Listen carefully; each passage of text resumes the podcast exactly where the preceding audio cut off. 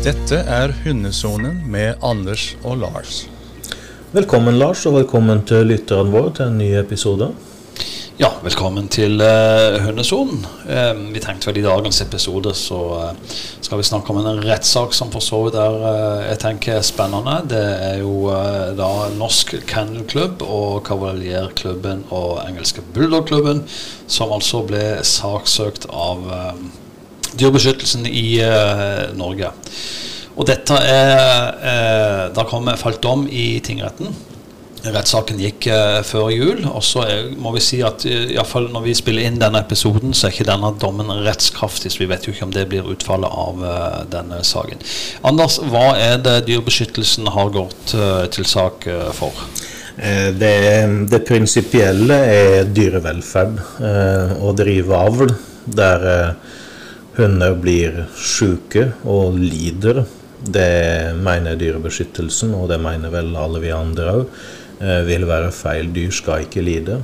Og eh, her har de eh, eh, fått eh, kartlagt situasjonen, henta inn mye statistikk, mye fagpersoner, og eh, rett og slett anlagt eh, sak.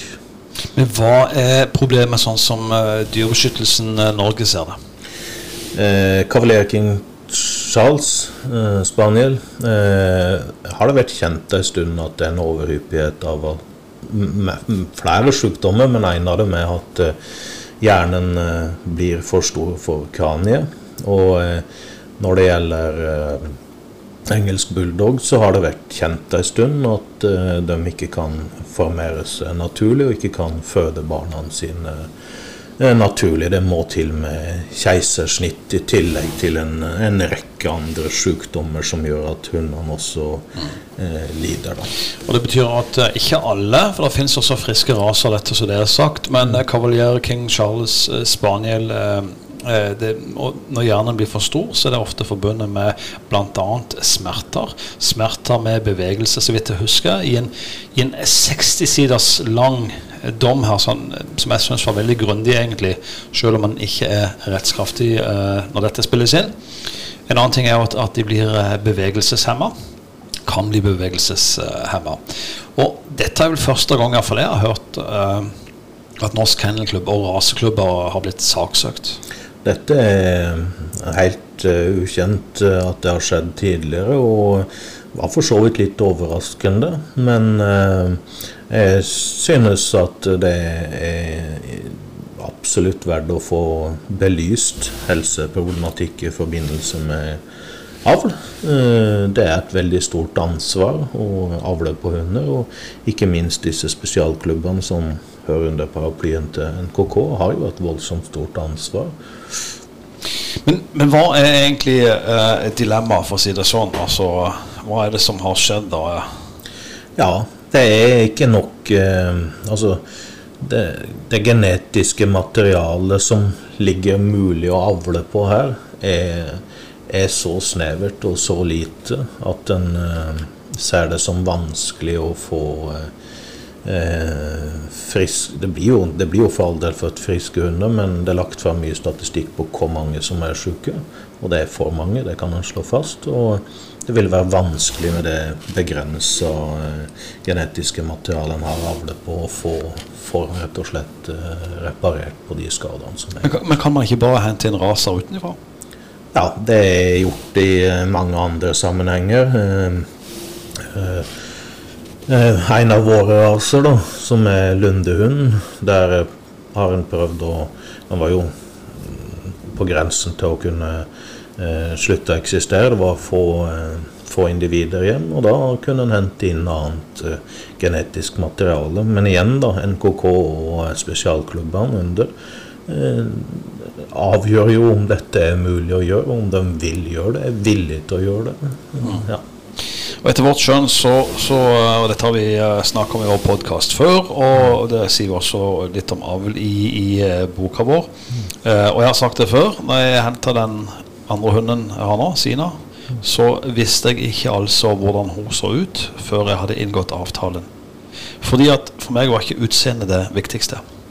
Og det er sånn for min del òg at uh, spesialklubbene og NKK og, eh, om avls avlsråd og andre ting har anbefalt paringene. For min del så kjøper jeg konsekvent tønner der det ikke har vært noe innblanding fra spesialklubber og, og NKK. Jeg mener at eh, det finnes oppdrettere der ute som er så seriøse at de avler friskere hunder enn det som eh, Um, Men det, det, er jo søte hunder, dette her. Altså, og Det er vel derfor folk kjøper de, tenker jeg. Ja, det er klart det. Og jeg forstår veldig godt at folk kjøper begge rasene.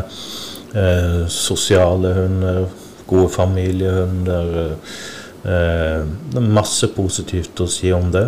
Men eh, fortsatt, oppdrettere sitter, og det er oppdretteren som er den profesjonelle parten, sitter med med et enormt ansvar eh, i forhold til de som er kjøpere, og som ikke har den kunnskapen. Mm. Om avl.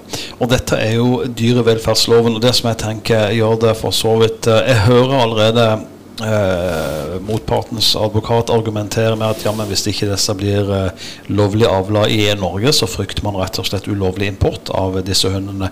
Og da er iallfall eh, kåren enda dårligere. Er det et poeng, eller er det et billig poeng? Nei, jeg tror det eh, Jeg, jeg, jeg syns det er vanskelig Jeg er helt sikker på at det vil skje, for å si det rett ut. Ulovlig import skjer jo den dag i dag. Det skjer den dag i dag, og det kommer til å skje. Det er helt sikkert at det kommer til å skje.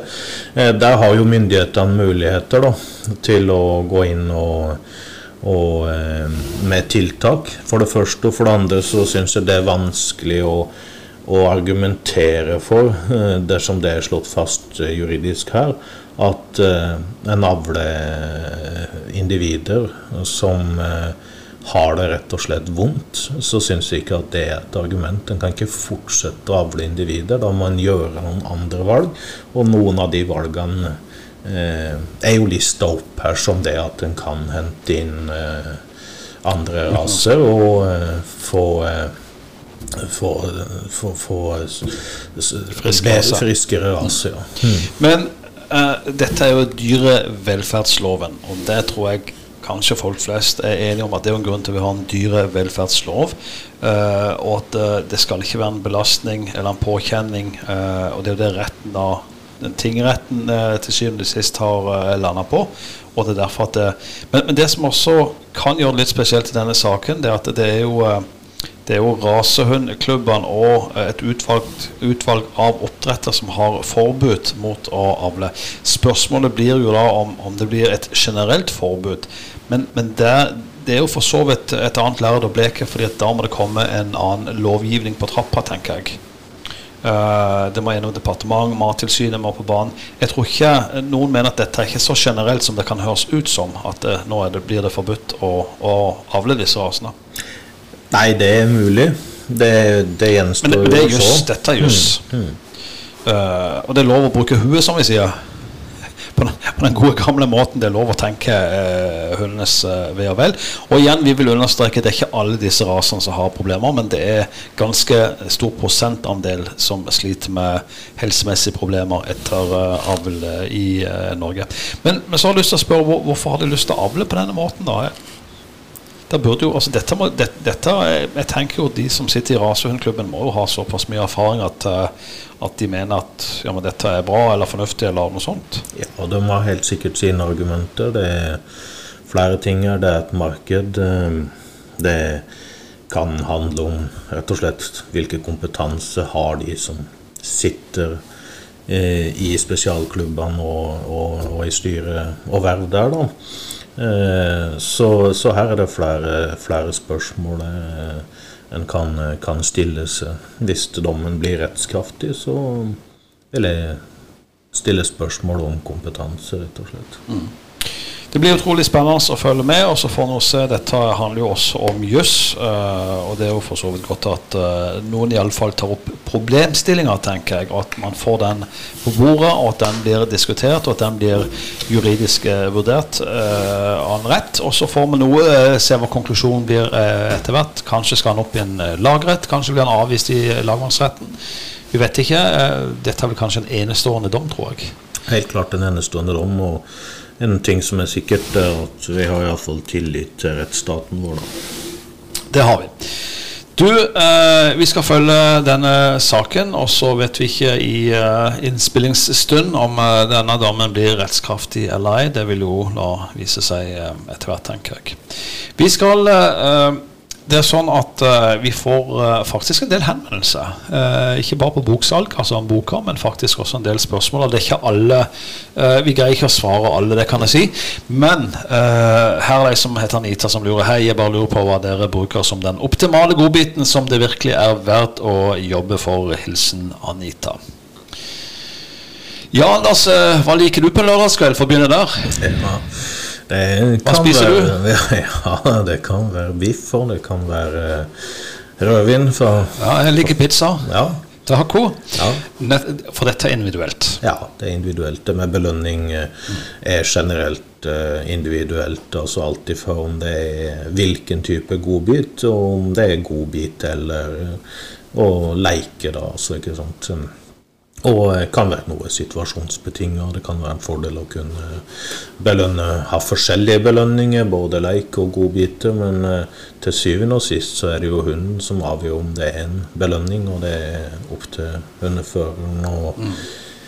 eh, teste dette ut. Det sier vi jo mye i mitt miljø, der jeg kommer fra, da, i Norske redningshunder, at dette er det faktisk hundeføreren sitt ansvar å sørge for at eh, også figuranter eksternt skal kunne belønne hunden. Og eh, det er en ting vi ser på gjerne sammen, og prøver å evaluere. da, Hva er den rette belønninga for den hunden her? Og eh, gjerne variasjon av belønning, og at vi belønner ulikt litt ettersom hva vi ønsker. Ønsker vi eh, at hunden skal skal litt opp i drift, som vi sier, eller ønsker vi at det skal være litt eh, roligere? Ja. Mm. Men, eh, og da vil jeg si, jeg har stått med ganske mye rart i sporet eller eh, som belønning. Jeg har prøvd alt fra biffbiter, jeg har hatt kalkun i sporet, de ble for øvrig spist opp av andre dyr.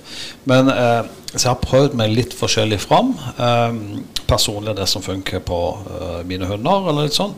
det er alltid fra små fiskekakebiter til Ostebiter, pølsebiter er jo en vinner. Men, det, men jeg, det er litt også du sier, jeg tror det er viktig altså hvis det er godbiten vi snakker om som belønning, så er det viktig også å uh, variere den litt, grann, så ikke man går lei. Jeg har også sett folk stå med tubeost. Ja. Så, så, det fins ikke noe det, det, jeg ikke har brukt veldig mye av, eller som iallfall ikke mine hunder har respondert utrolig mye på, det er ferdigprodukter. Nei. Det har vært helt sånn der, det betyr ikke nok. Det har ikke betydd, og, og det er akkurat der det ligger. Det, det, skal bety nok til at de har lyst til å jobbe for den biten. Og det er måten du finner ut på hva liker din hund best. Ja, Det som mine har respondert dårligst på, det er det som eh, en kjøper i eh, diverse hundebutikker da, som selger dyrefôr og godbiter. Så har mine hunder respondert dårligst på det som selges som godbiter. Der, mm. at eh, de liker bedre enkelte type godbiter som eh, som, eh, som, kan være menneskemat, for å si det rett ut. Ja. Og da eh, tenker jeg med litt sånn med, med godbiter Du må egentlig bare eh, kutte det opp i bitte, bitte små biter. Og så, jeg, jeg, mener at mat fungerer best. Det, det, er jo klart Vi skal snakke litt om det med demping, som du er innom på. For det har et eksempel på. Men, men mat fungerer sånn som best når hunden er sulten. Ja, hunden må være sulten. En, eh, en mett hund er ikke så engasjert. Og, og, en liten godbit, og som regel en godbit som går fort ned. Ja, jeg bruker å si at jeg kapper det opp på en, eh, en neglestørrelse til en lillefinger, jeg, altså. Ja. Og, og, jeg gir ikke hele hånda med godbiter. Og så en ting som også er viktig når vi først er inne på det. Vi mater ikke hundene våre med godbiter hjemme. Nei.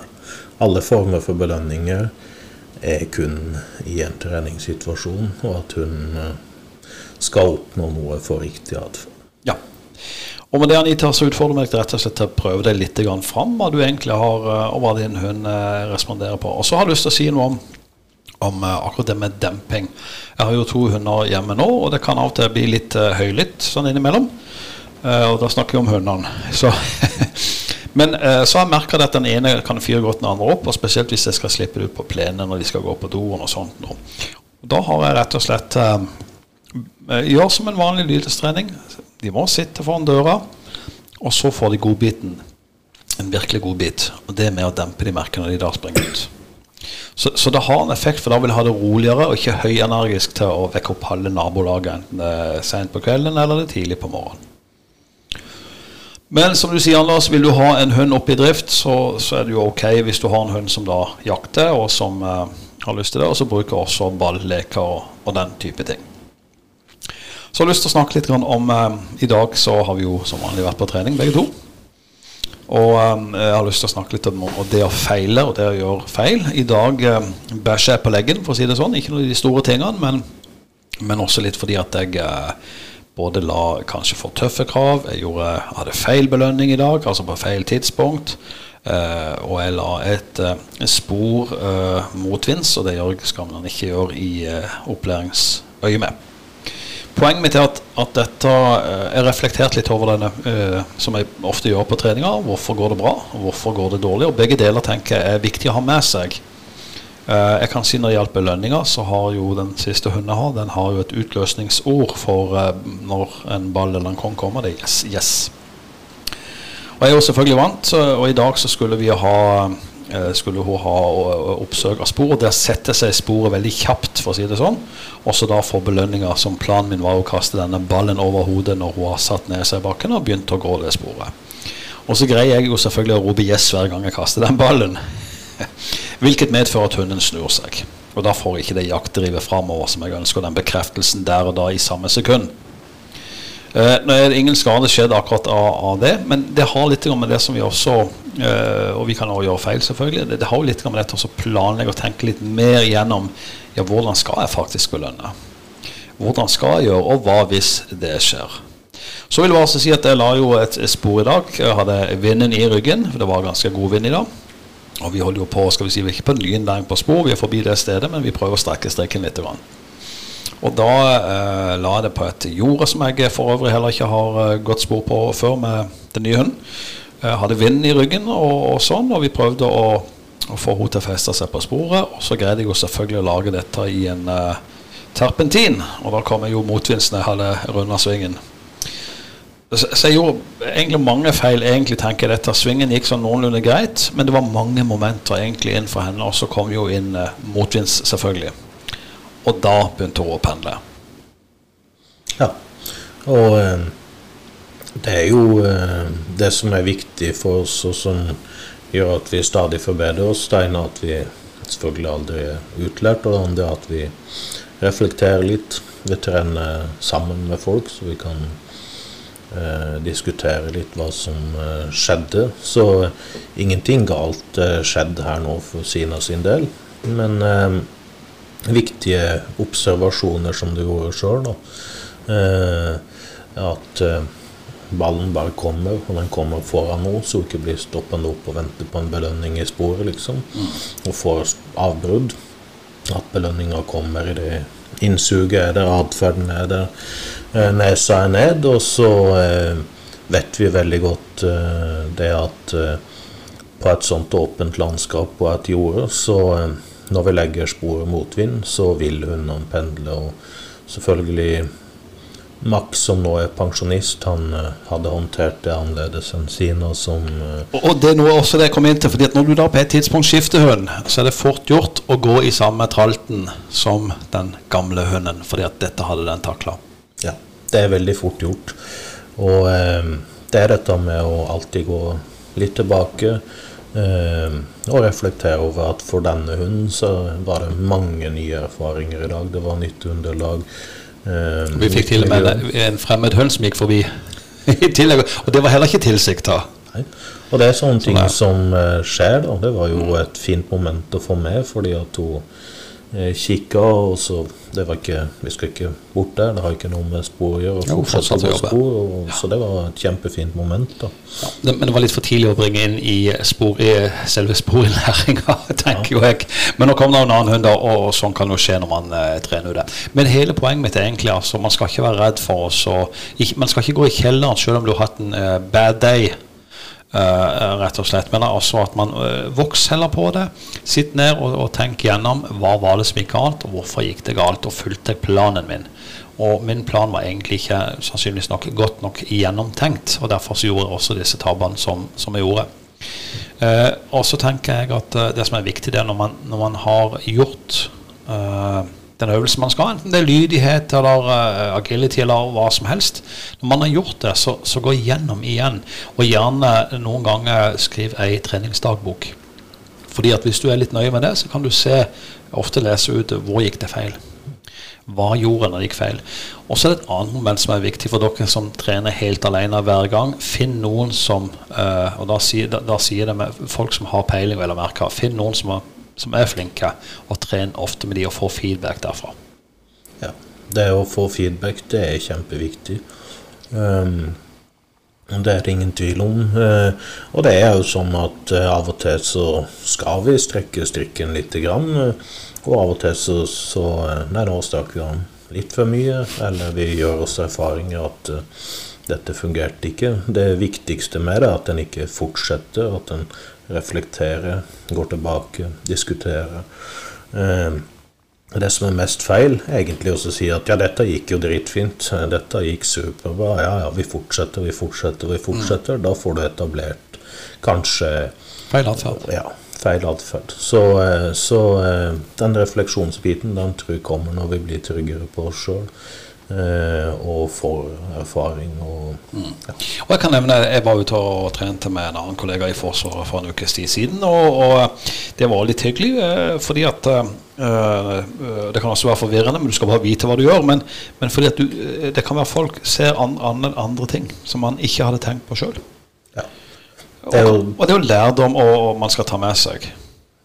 Man skal aldri være redd for å oppsøke nye miljøer. Du får etter hvert en erfaring så du skjønner hvis det, i det nye miljøet kommer veldig dårligere opp, men i det store og det hele og på det jevne så møter masse andre flinke folk.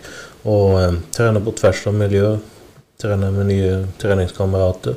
Helt klart det er en eh, kjempeerfaring og er med på å utvikle oss. Det er det. Ikke gå i samme tralten, det er det vi sier. Oppsøk folk som har god peiling på det de holder på med, for å planlegge treninger og evaluere etterpå. Det er ganske viktig. Du, det, Anders, eh, Vi kunne ha fortsatt lenger om dette, men eh, dagens episode av Hundesonen er ferdig for i dag. Ja, takk for i kveld.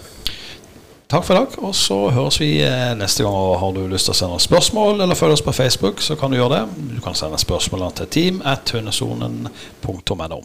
Ha det så lenge. Ha det.